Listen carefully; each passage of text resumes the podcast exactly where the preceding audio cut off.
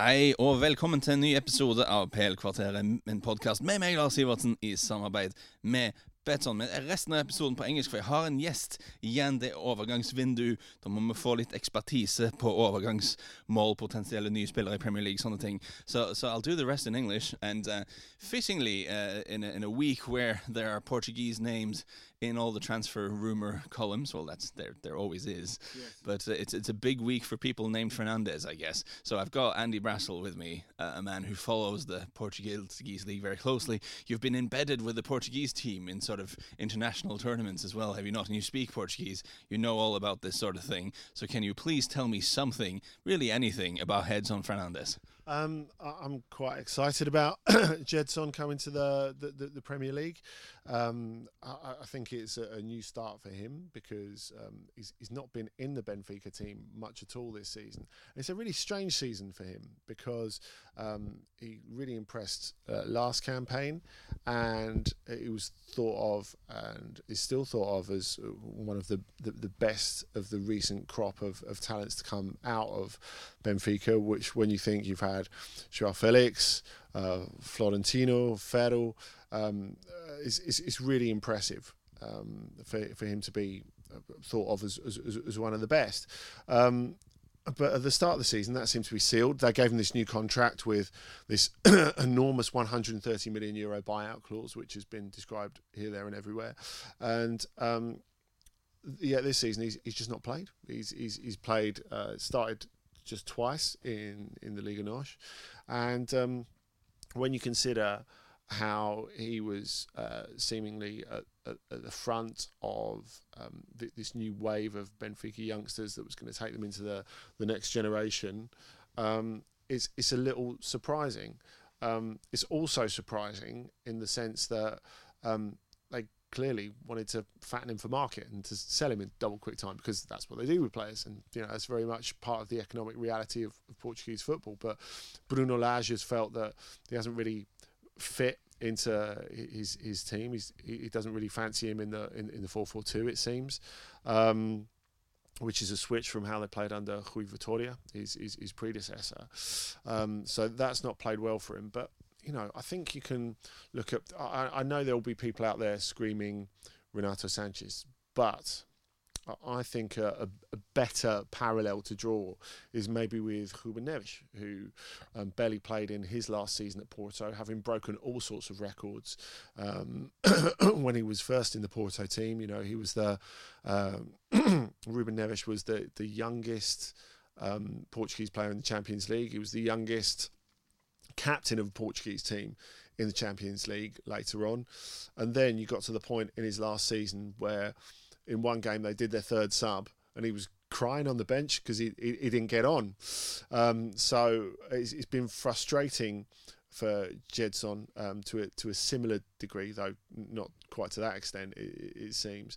And um, it's a deal I think that works well for Spurs because it's quite risk free. There's only a four and a half million euro loan fee, it, it seems, um, before they've got the option to make it permanent for 50 million, which is quite a long way short of that release clause as well.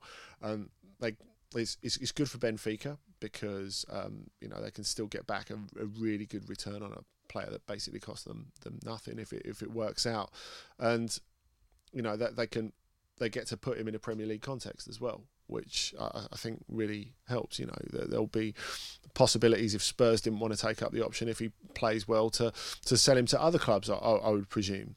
So um, it's a bit of what Spurs need too because he's he's got that energy he's able to make tackles. He's very modern sort of midfielder, and he doesn't like lunge into loads of tackles. He just makes his tackles ju- uh, judiciously. He um, he's good at intercepting the ball. He's good at, bringing it into the opposition half. He's, he's he's not an attacking midfielder as I've heard described, but he, he does a lot of work between the two boxes, and um, Spurs need that. Uh, they they need that sort of bite. They need that um, athleticism and they need that ability to transfer onto the front foot.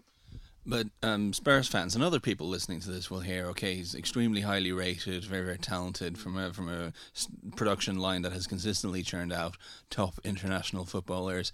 He can win the ball, he can get forward, he can do all of these things. How, how on earth has he then lost his place in the team to Adel Taarabt? I mean, what what's gone on there?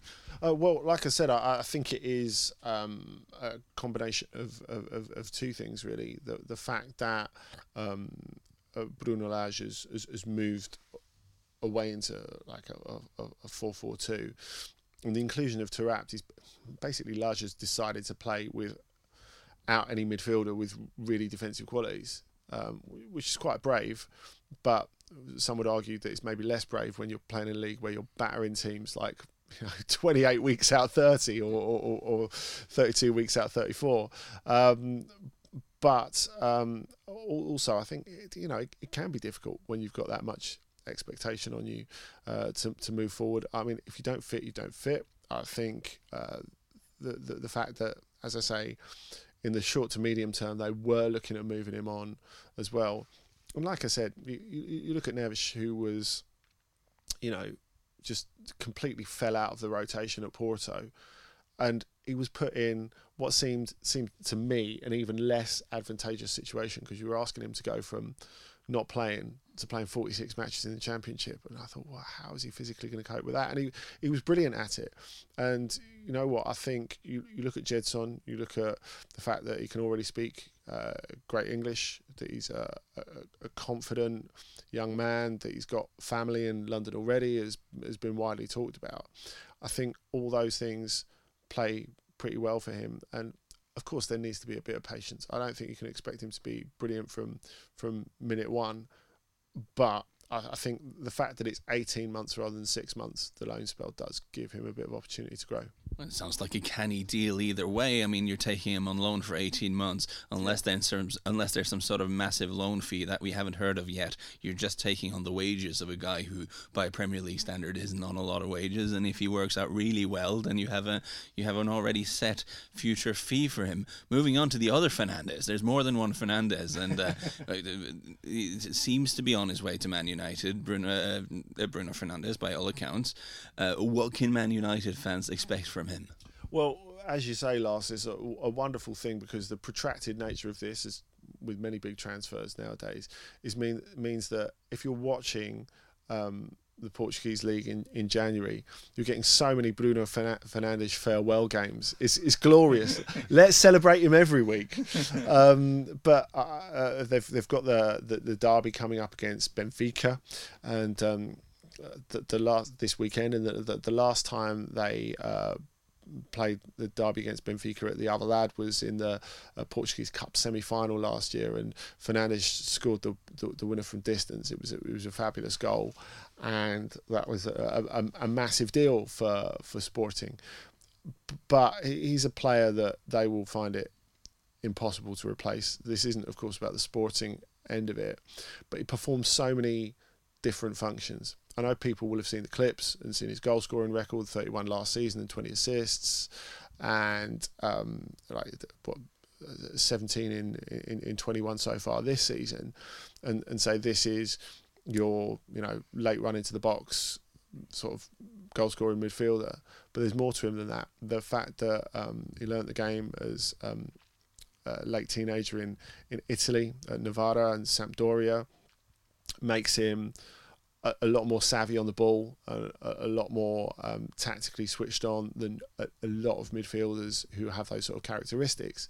Um, he's got good range of passing. He knows when to um, pass, uh, send the ball on, and when to keep hold of it. And seeing as this is Manchester United's main area of weakness at the moment, they need that kind of you know technical and tactical leader in midfield, especially as they're planning presumably for a, a post Paul Pogba future. So I think that could could work really well for them. I, I think you can look at a lot of Premier League teams for uh, a, a, lot of top Premier League teams where Bruno Fernandes would fit in very well. I know uh, people say, well, you know, it's one thing doing it in.